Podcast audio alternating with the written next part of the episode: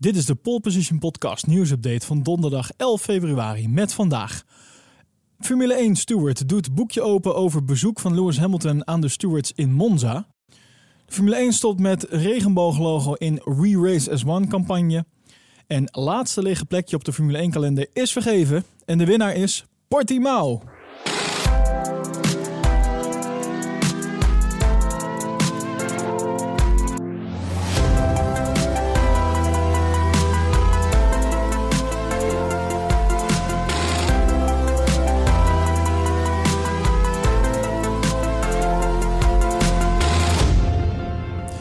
Ja, de grote prijs van Portugal die heeft het laatste lege plekje op de Formule 1 kalender voor 2021 ingevuld. Dat meldt uh, autosport.com.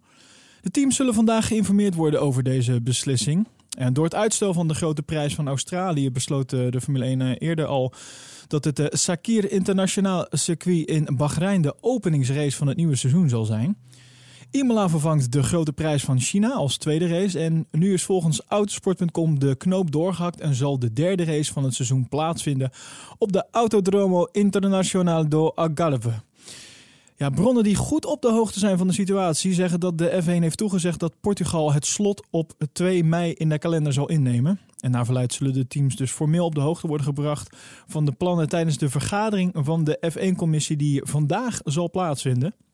En in die vergadering van vandaag zal er waarschijnlijk ook gestemd worden over de mogelijke invoering van de sprintraces tijdens drie Grand Prix in het seizoen van 2021.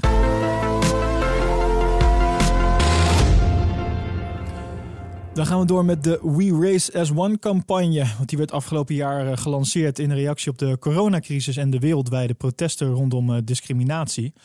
De Formule 1 wilde zodoende ook een maatschappelijke bijdrage leveren en de sport in positieve zin veranderen. De campagne werd vormgegeven met een regenboog dat als symbool bedoeld was waarin de tien deelnemende teams bijeenkomen. De uitingen van de campagne waren te zien op de auto's, maar ook langs de baan. En dat zal in 2021 niet meer het geval zijn. De Formule 1 maakte woensdag nieuwe doelen voor de campagne bekend. Ja, de campagne onder de hashtag WeRacers1 gaat dus wel verder. Maar de focus van die campagne zal uh, niet meer liggen op diversiteit alleen, maar ook op duurzamer ma het duurzamer maken van de sport. De coronacrisis uh, is nog altijd uh, een strijd die gevoerd wordt en we focussen met het platform op drie belangrijke onderwerpen. Die pilaren zijn duurzaamheid, diversiteit en inclusiviteit en de community. Dit zijn gebieden in de sport waarmee we al stappen gemaakt hebben, maar we in de komende maanden en jaren nog meer aan willen doen, al dus het statement van de Formule 1.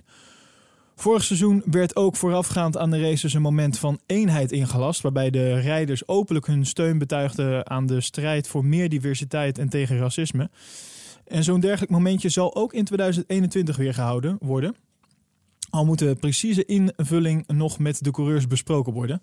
En naast de campagne op meer diversiteit en inclusiviteit gaat de We Racers One campagne zich ook meer richten op duurzaamheid en het milieu. In 2021 wil de Formule 1 een duidelijke route uitstippelen om in de toekomst met duurzame brandstoffen te gaan racen. Ook moet het gebruik van plastic in de paddock teruggedrongen worden en wil men de logistieke operatie van de Formule 1 opnieuw onder de loep leggen. Zo moet er een deels op afstand gewerkt kunnen worden, zodat het aantal reisbewegingen beperkt kan worden. Op social vlak wil de Formule 1 meer kansen geven aan groepen die momenteel niet voldoende actief zijn in de sport. Zo wil men stages en leerplaatsen aanbieden om uiteindelijk meer talent op te leiden. En de W-series krijgt daarnaast een, een prominentere rol in de Formule 1. Want in uh, samenwerking met uh, FIA's uh, Women in Motorsport initiatief wil de Formule 1 meer aandacht vragen voor de positie van de vrouw in de sport. Uh, en dus zal de W-series komend seizoen acht keer in het bijprogramma van de Formule 1 in actie komen.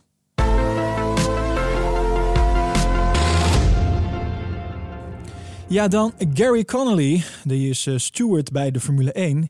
Die heeft een boekje open gedaan over wat er is gebeurd tijdens de Grand Prix van Italië vorig jaar. Toen Lewis Hamilton tijdens een onderbreking van de race op hoge poten naar de stewards ging om verhaal te halen na het vernemen van zijn bestraffing tijdens die race.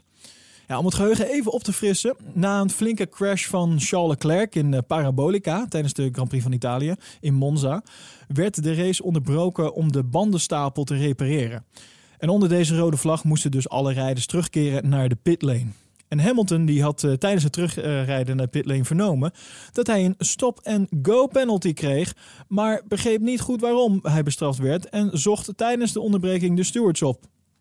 Nou, Gary Connolly heeft zich inmiddels hierover geuit wat er nou precies is gebeurd in dat kamertje. Hij zegt uh, daarover: Toen de race werd onderbroken, sprong, sprong Lewis op zijn step en kwam hij ons een bezoekje brengen. Lewis was zeer vriendelijk. Hij zei gewoon: Jongens, kunnen jullie me zeggen waarom ik bestraft word?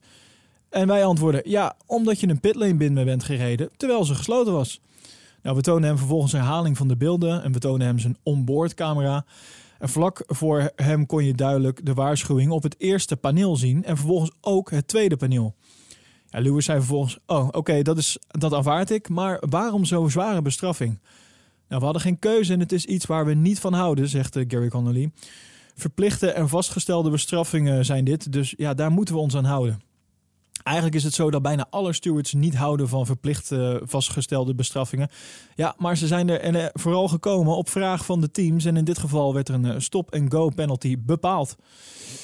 Ja, Lewis werd er uiteraard niet vrolijk van, maar hij aanvaarde het en ja, verliet vervolgens gewoon de ruimte. Dus niks heftigs is daar gebeurd. Hamilton die sprak uh, wel Mercedes aan uh, op waarom ze hem niet op tijd hadden gewaarschuwd. Uh, maar volgens Connolly was het een, een mooi voorbeeld van hoe zwaar en pijnlijk de bestraffing ook was. Het werd wel door Hamilton en het team geaanvaard. Ja, en het podium van die race is nog wel even leuk om te vermelden. Dat kan je misschien nog wel herinneren. Dat was namelijk een overwinning voor Pierre Gasly. Gevolgd door Carlos Sainz op de tweede plek en Lance Stroll op de derde plek. Dus een knotsgek podium. En tijdens die race eindigde Lewis uiteindelijk als zevende. Ja, voor meer nieuws en feitjes ga je naar ons Instagram-account @polepositionnl. Vergeet je niet te abonneren op deze podcast via jouw favoriete podcast-app om op de hoogte te blijven van het laatste nieuws over de Formule 1. En vind je deze updates nou leuk en wil je ons financieel steunen? Kijk dan even op petje.af slash poleposition voor alle mogelijkheden en leuke bonussen.